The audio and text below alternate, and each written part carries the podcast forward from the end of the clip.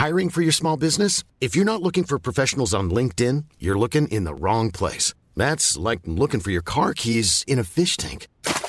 LinkedIn helps you hire professionals you can't find anywhere else, even those who aren't actively searching for a new job but might be open to the perfect role. In a given month, over 70% of LinkedIn users don't even visit other leading job sites. So start looking in the right place. With LinkedIn, you can hire professionals like a professional. Post your free job on linkedin.com slash people today.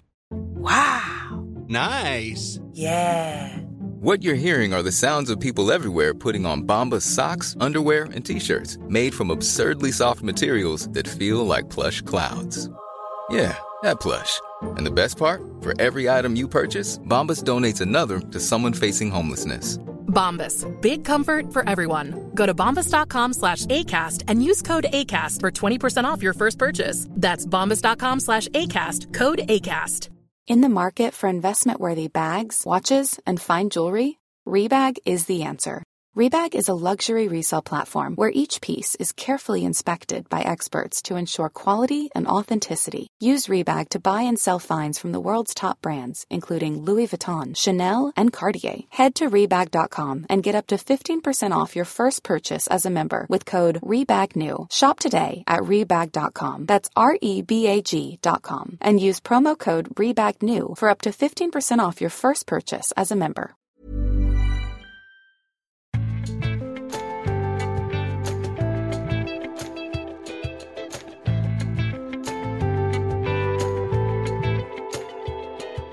I denne ukens episode av eh, Tore og Tarjei har vi med oss eh, Erik Andreassen, til daglig pastor i Oslo misjonskirke Betlehem. Hjertelig velkommen. Tusen takk. Vi skal snakke om eh, et emne som jeg tror engasjerer oss alle. Tor Hjalmar Sævik, hva har du å melde fra ditt hjemmekontor? Nei, jeg tror eh, vi skal si at det, at det går etter forholdene bra, og, og vi, vi, er takknemlige for å for å ha fred og, eh, og alt vi trenger til å leve. Ja, Vi snakket om det rett her i sted, at det er jo nesten litt rart å snakke om alt annet enn eh, storpolitikk på akkurat denne dagen når vi hører om eh, Russlands angrep i Ukraina. Men så er det jo sånn som det er i livet at mange ting skjer samtidig. og Både det som er mest gledelig og det som er mest trist kan jo inntreffe på samme dag. Så vi, vi snakker om noe helt annet enn Vladimir Putin og hans påfunn. Vi skal snakke om en bok som du Erik nettopp har skrevet. Jeg glemte først å si at mitt navn er Tarjei Gilje. Eh, boken heter 'Kropp'. Eh, og dette, altså Vi tre har vi funnet ut av nå er jo født i 79, 80 og 81, så vi er ganske jevngamle. Jeg tror vi kan si at vi er sannsynligvis eh, sånn kristelig sett konservativt oppdratt. Du får jo se om du kjenner deg igjen Erik, det. er i hvert fall det er dekkende for og meg. så kan det ordet bety så mangt. Eh, men jeg tror vi har en forholdsvis eh, beslektet kristelig eh, bakgrunn. Du har skrevet en bok som handler om kroppen som utgangspunkt, og den gudvillede kroppen og seksualiteten i vid forstand. Og du har skrevet den for ungdommer. Først bare fortell litt om hva som gjorde at du ville skrive bok om dette emnet. Altså det er Jeg jobba selv som ungdomspastor i tre år, på starten av 2000-tallet og jobba med ungdommer. Eh, måtte da også snakke om disse temaene, om sex, om kropp, eh, seksualitet. Eller da var det vel egentlig Da tror jeg bare, jeg bare tenkte at vi må snakke om sex. Jeg, jeg så liksom ikke det større bildet. Og det jeg da bladde i eh, bokbutikken i den menigheten jeg jobba i den gangen, det var liksom amerikansk litteratur, og det var noen andre spesielle norske avarter eh, som ligna mye på det amerikanske, som jeg opplevde ganske firkanta og liksom virkelighetsfjerne. Jeg tenkte ofte når jeg var på ungdomsfestivaler og hørte de store predikantene prate om sine flotte koner, at det er lenge, de husker ikke hvordan det var å ikke være gift, tenkte jeg. Eh, blant annet. Eh, og, og, jeg tenkte at jeg fikk en sånn derre det her Noen må gjøre noe på dette temaet. Eh, så har det, har det, egentlig ligget der helt siden ja, det er 20 år siden. en sånn der følelse at noen må gjøre noe med dette. Og så etter hvert så så fikk jeg en sånn der eh, Kanskje jeg må gjøre noe, hvis ikke noen andre gjør noe. type ja, opplevelse. Ja, Du skriver jo i, i uh, boka at det, det, går helt tilbake til 2010 at uh, du fikk en oppfordring fra Ole Magnus Olafsrud, som uh, nettopp var, var, gjest her i podkasten også, at dette må du skrive bok om. Men så tok det tolv år. Ja, det gjorde det. Jeg egentlig starta kanskje før det også, men jeg, jeg hadde noen prekener i kirka i Oslo Misjonskirke på den gangen som eh, om sex. Eh, to gudstjenester. Jeg tror aldri det hadde vært tema i en elvegudstjeneste. Da hadde jeg akkurat blitt hovedpastor, og jeg satte det som tema på en eh, vanlig gudstjeneste hos oss. Og, og, um, og, da var det ganske nytt, og, og opplevde at folk ga veldig god respons på det. Så holdt jeg noen tilsvarende forkynnelser på Arena i Krikke Arena sin leir.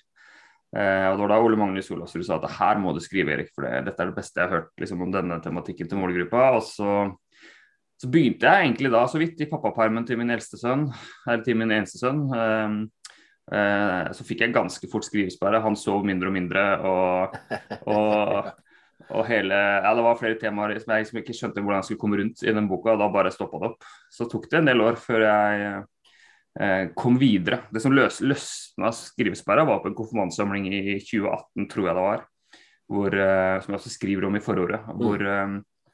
Jeg var sammen med noen konfirmanter.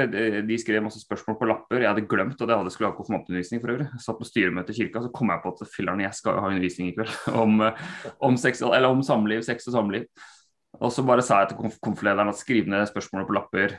Og så kom jeg ned, og så svarer jeg. Og da kom jeg ned, hadde en halvtime og bare tok på, liksom, svarte på direkten på alle mulige slags store og små spørsmål. Og da var det f.eks.: Hva er en P-stav? Var ikke det som var et av spørsmålene? Ja, det var et av spørsmålene som måtte utmerka seg. da. Det var jo alle mulige slags spørsmål. ikke sant? Hva er det, er det lov med er, altså Det er på veldig ulike skalaer. Er, typisk er det lov å ha sex for ekteskapet. Er det lov med blowjob? Altså, skal ikke gå inn i detaljer om hva det er. Er det lov med p-stav?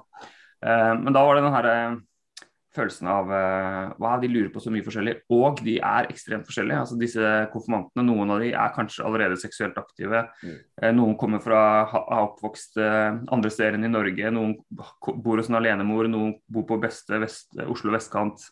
utrolig forskjellig liv da, og forskjellig erfaring.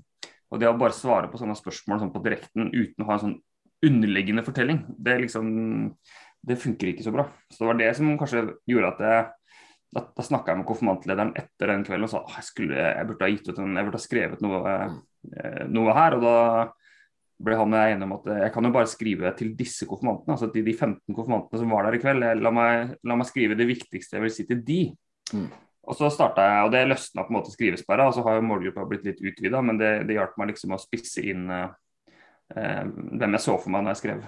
Nettopp. For det, det, er jo et poeng i seg sjøl. At du skriver ikke egentlig primært til dine jevnaldrende, eller det er heller egentlig ikke en fagbok. Du skriver det til, til ungdommer. Og hva, Hvordan har det vært? Altså, Hva er det du har eh, måttet være bevisst på at de eh, kanskje ser annerledes, eller opplever annerledes enn du sjøl gjorde når du var på deres alder? Ja, og bare det i seg selv er jo et sånn uh, skummelt prosjekt å være 40 år uh, og i dag hvit mann. skrive bok til uh, ungdom om om seksualitet, og hva vet jeg om det. Eh, og Samtidig så har jeg liksom tenkt at ja, men vet du hva, kropp det har jo vært eh, i veldig mange år, alle sammen. Og, og, seksualitet er ikke et nytt fenomen. Eh, og ensomhet og lengsel og usikkerhet og alt det der er allmennmenneskelige greier som er fortsatt like relevant i dag. Så, så mm, men, men, jeg har nok prøvd å ha en slags bevissthet om at uh, at jeg vet ikke akkurat nå hvordan det er å være tenåring. Men det er sånne, sånne konkrete ting som at jeg f.eks.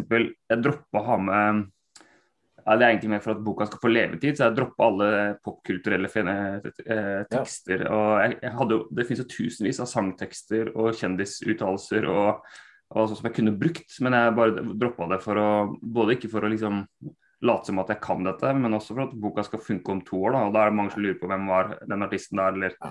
eh, så det er mer sånn uh, i og for seg teknisk, men uh, uh, men det er å prøve å leve seg inn i tenåringenes liv og prøve å tenke ut hva er det som er allment, og så prøve å skrive til det. Men, hva, hva, er sånn sett annerledes enn hvis du skulle sett at du skulle skrevet boka til deg sjøl som, som, tenåring? Eller de, de bøkene som, som, ja. som vanlig har gitt da?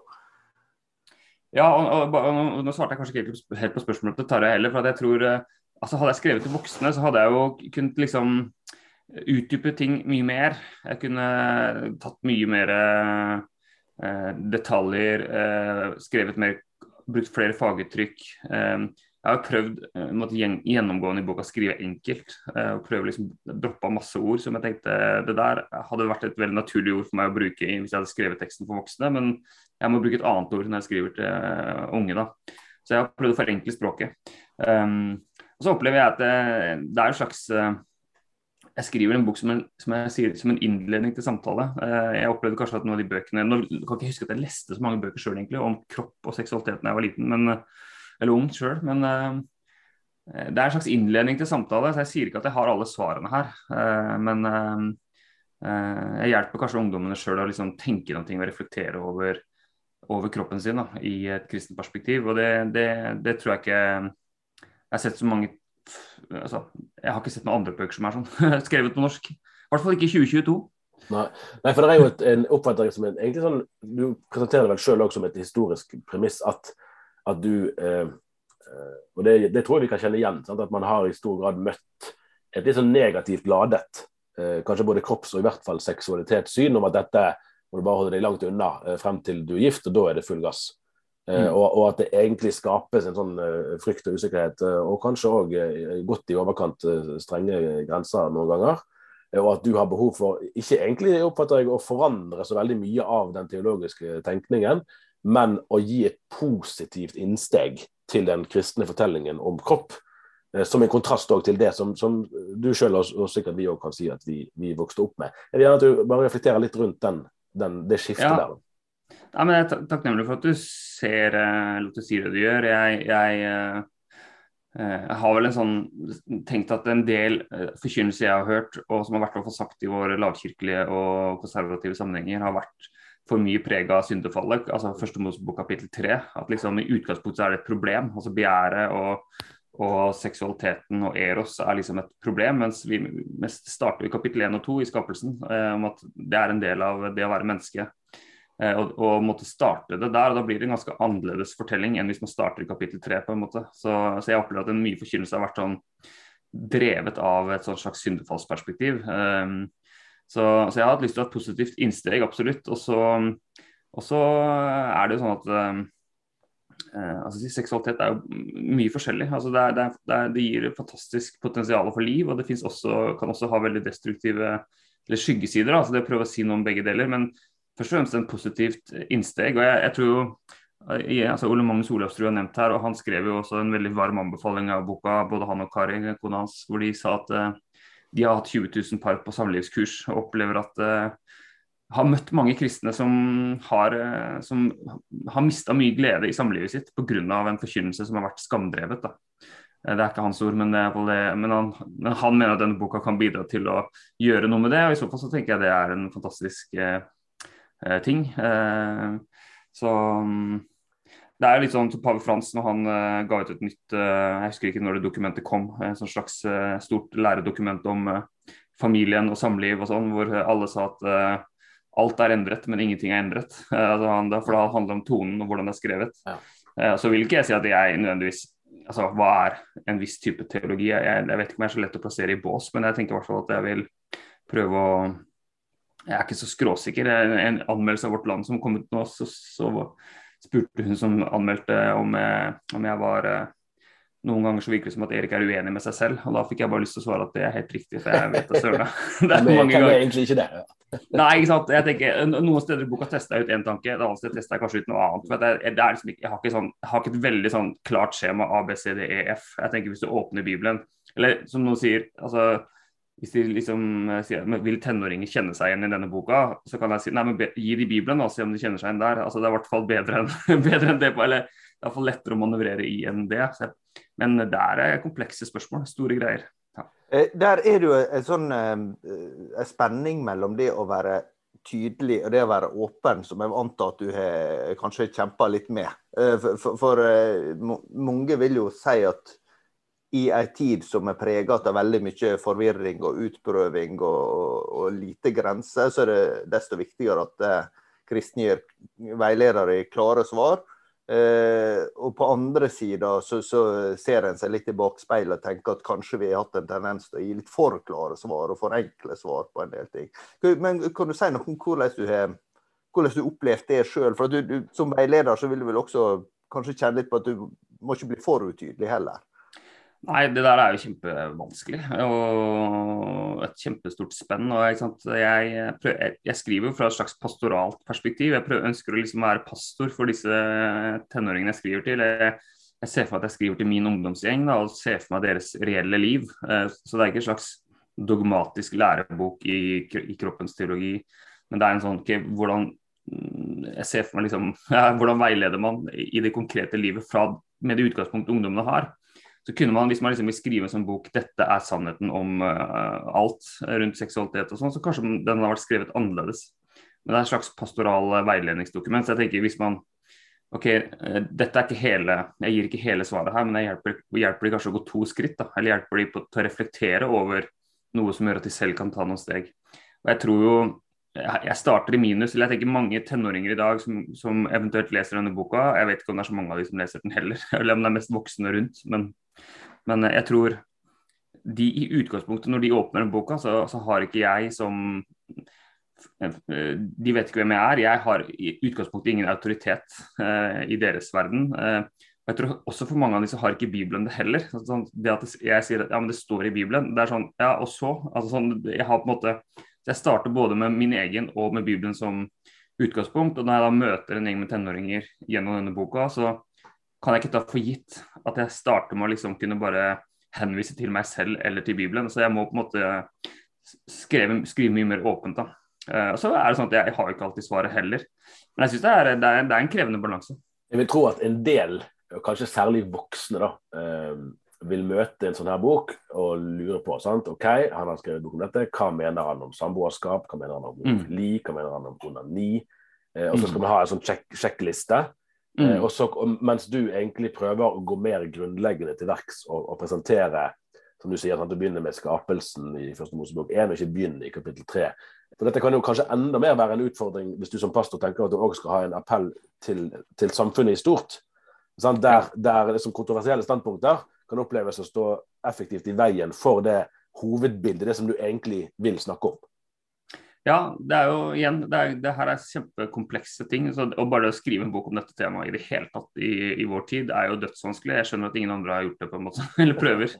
Det er skikkelig vanskelig. Eh, og eh, fordi det er så mange ulike Det kan leses fra så utrolig mange ulike perspektiv og ulike målgrupper. og Jeg, jeg er bare forventa pes fra alle kanter. altså Jeg, jeg er liksom regna med at uh, mange folk kommer til å kritisere for, for, helt ulike ting, og motsatte ting. Um, så får vi se da hvordan det blir. Hvis du ser i relasjon til den undervisningen du sjøl hørte da, som mm. ungdom, har du på en måte forandret mening eller holdning til ting, eller er det, er det vesentlige ting du mener at oi, hvis jeg hadde fått hørt dette som 16-åring eller 13-åring, mm. så hadde livet vært lettere?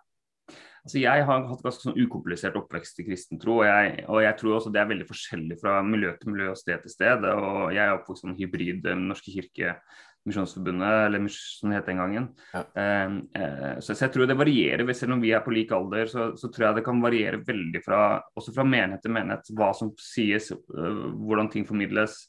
Um, jeg, med, eller jeg hørte jo Thomas Erlandsen i, i en podkast som heter Reisen, fortelle ja. om sin oppvekst. Han er kanskje fem år yngre enn oss. eller noe sånt fortelle hva han opplevde i pinsebevegelsen.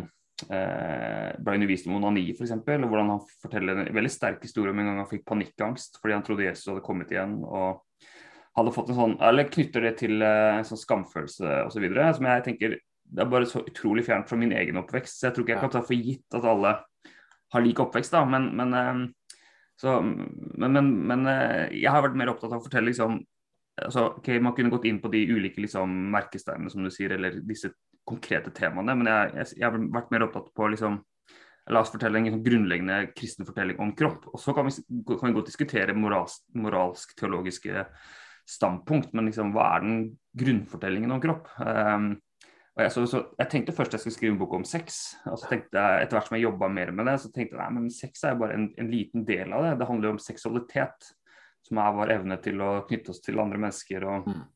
og sånn, og så så gikk det opp for at seksualiteten er jo bare en del av noe annet, nemlig kroppen. Og så tenkte jeg nei, jeg må skrive om kropp, det er der det må starte. Må, hvorfor har Gud gitt oss kropp i det hele tatt? Hvorfor har han gitt oss erogene soner? Hvorfor har han gitt oss evne til fellesskap? Altså, starte spørsmålet der. Altså, og, det, og, det, handler jo om en sånn helhetsteologi. For Hvis man tenker at denne verden egentlig bare er et midlertidig sted. Vi har kropp bare som en midlertidig greie.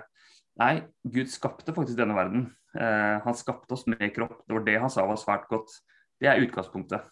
Mens i en del miljø så vil man tenke at nei, kroppen er liksom mindre verdt. Det er det åndelige som er poenget. Eh, vi skal et annet sted, sjelen skal frelses. Nei, men er det en god kristen teologi? Altså, så det er, det, er liksom, det er den store fortellingen jeg ønsker å fortelle. Og så blir det konkret. Da, hvordan, eh, hva gjør jeg med min seksualitet i møte med verden og andre mennesker? Ja. Og de, og de, tingene tror jeg ikke hørte så mye om når jeg var uh, Nei, for det var det jeg, jeg ville si. at jeg lurer på om, om kanskje, Det er ikke noe, tror ikke det er veldig kontroversielt å si det, sant? at den undervisningen vi hørte da, og det er riktig som du sier, at det, den var ikke lik eh, alle steder, men at der, den var kanskje mer altså Du skriver at boken din er et komma mer et utropstegn. Det var nok en del utropstegn. Ja, ganske sånn eksplisitt at det er lov og det er ikke lov osv. Og, så og egentlig mindre, mindre kontekst. Mm. Eh, og Det er jo på en måte kanskje enda vanskeligere å nå frem til både unge kristne, men òg til allmennheten i dag. altså I et samfunn der, der, der du er pastor, gir deg egentlig ikke autoritet på den måten som vi kanskje kunne gjøre før. For Jeg merker meg at du skriver jo flere ting her som, som vil tro at altså, mange av dagens lesere kan nikke bifall til. F.eks. skriver du at vi må ikke ha sex. Mm. Altså Det går an å leve et fullverdig liv uten det. Og du skriver jo ganske tydelig om altså, om trofasthet, sant? om overgivelse, om det å kunne være naken uten skam. At den egentlige mm. nakenheten ikke handler om kroppen, men om måte, det å være altså, åndelig, mentalt avkledd overfor hverandre. Så egentlig er det jo en ganske gjenkjennelig eh, tilnærming, eh, så vidt jeg kan bedømme, da, eh, som, som, du prøver å presentere. Eh, ja, kanskje mer med komma enn utropstegn, ja. Ja, og så er det kanskje en sånn eh, altså Jeg har utrolig troa på det kristne budskapet om kropp, og også altså ekteskapet. Jeg, jeg, har veldig jeg, jeg, heier veldig på det og tenker at det er en fantastisk uh, idé på en måte, og konsept og, og institusjon. Og det å på en måte, uh, som jeg sier, denne helt sinnssykt i vår tid radikale ideen om at det går an å ha sex bare med én. Uh, og at man til og med kan gjøre det etter at man har liksom forplikta seg 100% altså et type ekteskap, er jo vanvittig motkultur. Men jeg vil ikke forkynne det som en sånn derre dette må alle i verden gjøre fordi sånn har Gud sagt at det skal være. Jeg mener sånn i et mylder av samlivsformer og alle mulige slags fortellinger som fortelles eh, med ord eller uten ord i vår tid. Så jeg har lyst til å løfte opp at her ute på sida, eller i denne, her finnes det et alternativ som er helt sinnssykt radikalt, som du kan velge hvis du vil. Og det gir et godt liv. Eh, så betyr, så, så, men så har jeg samtidig en stor forståelse for at for mange så vil det være helt eh, eh uaktuelt. Men jeg vil, liksom, vil, invitere folk til å liksom vurdere det, mer enn å liksom si at dette må du velge. Uh, jeg tror ikke det funker så bra. Altså, hvis, hvis, poenget er å liksom, hjelpe flest mulig folk til et best mulig liv i tråd med Guds vilje, så vet jeg ikke om uh, eller da, da, tror jeg man må være litt uh, Jeg kunne selvfølgelig skrevet bare en sånn Eller hva skal jeg si, hva funker best da? Jeg, jeg, ikke, jeg prøver å få skrive noe om det. Du har jo uh, underveis i skrivingen fortalt litt på din egen Facebook-side om at du holder på mm. med dette. Og så husker jeg om det er kanskje et par år siden, du, eller kanskje det var i fjor, at du måtte, bare, må, måtte nesten sånn stoppe og begynne på nytt. Eh, og så kan det være at det jeg sier nå ikke har noe sammenheng med det neste. Det kan være det har det òg. For i, i, på slutten av boken så har du det som nå er et tillegg, og der går du inn på hele greien med, altså med 56 eller hva det er for noen kjønnskategorier på Facebook, og, og noe av, den, mm. av det landskapet der da, som er kanskje det mest liksom, ømtålige i dag. Og du skriver der at du hadde egentlig tenkt å si mye mer om det enn det du ender opp med å gjøre. Og Det kan være at den, den stoppen der handlet om noe annet, men, men, du kan jo gjerne bare reflektere litt rundt hva, hva som var prosessen der, da, at du valgte å gjøre det til et mindre liksom, uttømmende emne enn det ble til slutt. Ja, eh, jeg skriver om alt, alt det der skulle si, i et tillegg. da, altså Legning, kjønnsidentitet, eh, eh, seksuell identitet osv. Eh, det var ikke et kjempestort eh, del av den første boka heller, skulle jeg si. Eh, det var noe av det som jeg syntes var vanskelig i 2010 når jeg begynte å jobbe med det. var ikke Hvordan skal jeg gå inn i den tematikken der? Eh, hvordan skal jeg snakke om det? Um, så, så, så, den stoppen jeg nevnte, det hadde nok ikke spesifikt med det å gjøre. Men, men, um, men jeg, jeg, har flytta det fordi jeg har erfart at ja, men, uh, For det første er det et tema som folk tenker veldig ulikt om. og jeg, jeg tenkte at det, det, er ikke, det, er ikke, det Jeg vil liksom ikke at boka skal stoppe i en diskusjon om for eller imot uh, ulike samlivsformer osv. Jeg, jeg ville Eh, si noe som er sant, noe som gjelder alle. da. Det er at vi har kropp, vi er skapt av Gud, eh, vi har en seksualitet. Hva gjør vi med det? Og så kan man godt eh, liksom, snakke om de andre temaene også, men det, jeg la det til som et tillegg. Så ville sikkert noen oppleve det veldig provoserende. Men, eh, Ja, nei, så det var en, Jeg, jeg synes sagt jeg ville liksom skrive noe til alle, og så valgte jeg å plassere det bakerst. og Kanskje det er eh, så sagt provoserende for noen, eller utydelig. Eh, jeg vet ikke. Det er sikkert en del, Jeg lurer på hvor mange det er lenger, da, men en del vil sikkert lure på ja vel, der har vi han Erik Andreassen, hva mener han egentlig om homofili? Og det er det man egentlig er interessert i. Men du insisterer litt på, på at det er ikke det som skal være innfallsvinkel. altså Det spørsmålet kan jo være interessant nok, men, mm. men, eh, men, eh, eller viktig nok, og alt det, men det er ikke det som er Nei, men, men, jeg samtidig tenkt at hvis man er 15 år og leser en bok og er ganske sikker på at man er homofil, så, så tenker jeg da, da, er det viktig at den boka måte, snakker til den også, eller er til hjelp. Da. Så jeg, jeg, sendte tillegget og noen flere ting til en, en kamerat av meg som er homofil og kristen og lever i et samliv, og så kan man mene hva man vil om det. men jeg uh, sa du, hvordan ville dette her vært for deg å lese når du var 15? Altså, Ville det vært til hjelp for deg, eller ville det vært vanskelig? Og, og, han ga noen veldig gode innspill. Uh, han sa du må, burde legge til dette her, et par setninger om dette. Og så gjorde jeg det. Og så sa han dette her ville gjort hele forskjellen for meg når jeg var 15.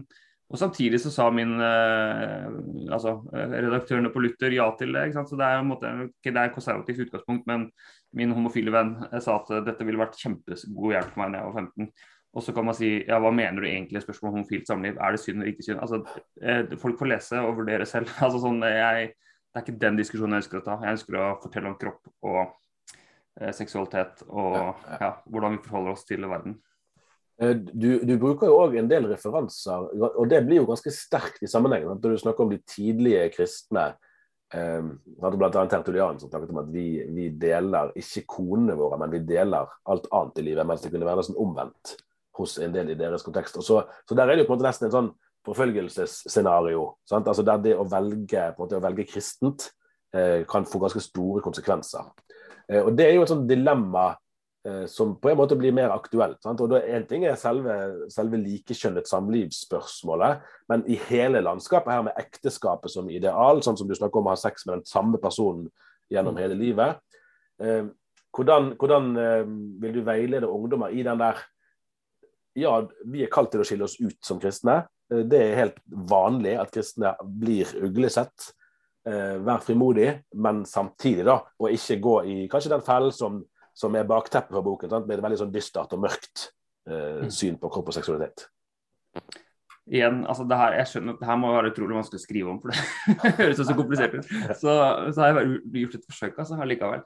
Nei, jeg tror kanskje noe eh, eh, jeg, jeg, bare husker sjøl når jeg var tenåring. Jeg var en veldig ivrig kristen. Jeg fikk en veldig sånn, tydelig kallsopplevelse ganske tidlig. og var veldig engasjert kristen. Jeg var veldig frimodig. Um, og sjøl likte å lese liksom, uh, For noen vil si at denne boka er liksom altfor Du tar for gitt at ungdommen er for, liksom, kan for mange ting. Men jeg har liksom prøvd å skrive, tenke litt til meg, bak meg sjøl. Altså. Jeg leste masse i Bibelen da jeg gikk på ungdomsskolen. Og kan sannsynligvis, sannsynligvis nesten aldri lest så mye i Bibelen som jeg gjorde da. Og Det finnes jo de kristne også, så jeg prøver liksom å skrive noe til de som faktisk har en veldig tydelig kristen erkjennelse. Jeg vil følge Jesus. Uh, hvordan ser det ut? Jeg har prøvd å skrive til de også. Um, men jeg tror ganske, det er ganske stor forskjell på om man har en sånn indre driv og en opplevelse at jeg vil være annerledes, jeg vil følge Jesus, dette kommer til å koste, enn om man får det pålagt utenfra at du må følge Jesus, du må leve annerledes, du må ta radikale valg. Og så, og så gjør du det uten å egentlig ha en indre overbevisning. Jeg tror jo altså Det er hele forskjellen på liksom frihet kontra liksom, eh, tvangstrøye. Altså sånn, så hvordan lokker man, altså jeg, jeg vil at ungdommer skal møte Jesus, og at det er livet med Jesus som skal skape den annerledesheten. Mens i en del forkynnelse så kan det jo bli sånn man blir pålagt å være annerledes. Det er derfor jeg f.eks. skriver om denne sangen 'Jesus spør om du er tøff nok', som jeg, ja. som jeg skriver at vi ikke bruker i vår kirke. For at, ja. ja. den er forbudt, sier jeg i hvert fall. Den, den, står på, den, står på, no playlist. fordi at ja. vi for at det der, jeg, jeg, vil ikke pålegge noen barn at du må være tøff og du må heise flagg i skolegården. altså det, altså, Hvis du har lyst til det, og hvis du kjenner sånn indre det, det, det, ønsker du å gjøre, så gjør det. Men liksom, vi skal ikke pålegge barna våre å heise rent fag alltid. Og du skal i hvert fall ikke godta mobbing. Altså, sånn, det er noen sånne ting der, da. Men jeg, jeg prøver å lokke fram den indre etterfølgelsen. Så, som, som, og da kan man jo stå imot veldig mye ytre motstand. Uh, ja. Dette er veldig spennende. Uh, og det, er jo, det, er jo, det må jeg kunne si uh, helt sånn grunnleggende at uh, selv om det ikke alltid at Kirken har forvaltet sitt mandat på den beste måten, at selve det å, å, kunne presentere en kristen fortelling om kroppen og om selve menneskelivet, det må være et kjerneoppdrag for en kristen kirke i verden. Ja, jeg tenker det. Altså, for det, er jo, sant? Det, er jo, det har også gått opp for meg at eh, altså, vi er jo kropp, og vi, lever gjennom kroppen. Og, og kropp er kjempeviktig. Altså, vi, det, er jo eneste, altså, det er jo i kroppen vi lever. Hva er vi uten kropp? Altså, altså, det å måtte snakke om kropp, hvorfor har vi kropp? Jeg hadde, bare, altså, jeg hadde en preken på en sommerfestival for noen år siden om kropp, eller en uh, bibelundervisning, hvor, hvor, en kvinnelig forkynner kom fram til meg etterpå og sa at uh, når du sa du skulle snakke om kropp, så var jeg sikker på at du skulle snakke om menigheten. Men du skulle faktisk Men du skulle faktisk snakke om kroppen. Altså, hun sa jeg, jeg, har aldri hørt en preken om kropp. Altså, Vi bruker mer kropp som metafor for noe annet enn faktisk å snakke om den fysiske kroppen. Men jeg mener Jesus, alle historiene om Jesus handler om kropp, nesten. Altså Han møter folk med sykdom. Altså, alle, altså, ja, så vi må, vi må, snakke om hva, skal vi, hva er poenget med denne kroppen. Det var en, en illustrativ og fin avslutning. Ja. Takk skal du ha, Erik Andreassen. Veldig kjekt. Boken heter altså 'Kropp' og er i salg på Lunde forlag. Vi Tor Hjalmar, vi er tilbake neste uke. Det er målet. Fint. Takk for nå.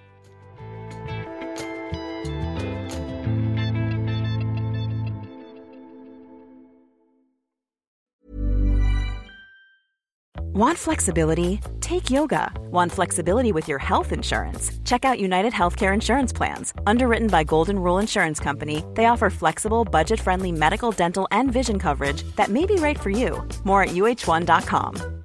Hi, I'm Daniel, founder of Pretty Litter. Cats and cat owners deserve better than any old fashioned litter. That's why I teamed up with scientists and veterinarians to create Pretty Litter. Its innovative crystal formula has superior odor control and weighs up to 80% less than clay litter.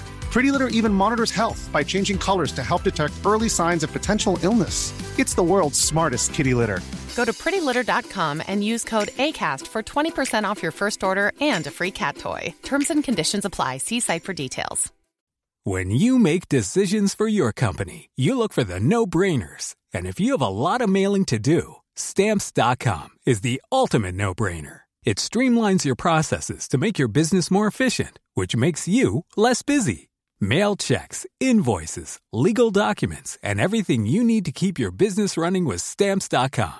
Seamlessly connect with every major marketplace and shopping cart. Schedule package pickups and see your cheapest and fastest shipping options from different carriers. With rates up to 89% off USPS and UPS rates. And with the Stamps.com mobile app, you can take care of mailing and shipping wherever you are. Make the same no-brainer decision as over 1 million other businesses with stamps.com. Sign up with code program for a 4-week trial plus free postage and a free digital scale. No long-term commitments or contracts. That's stamps.com. Code program.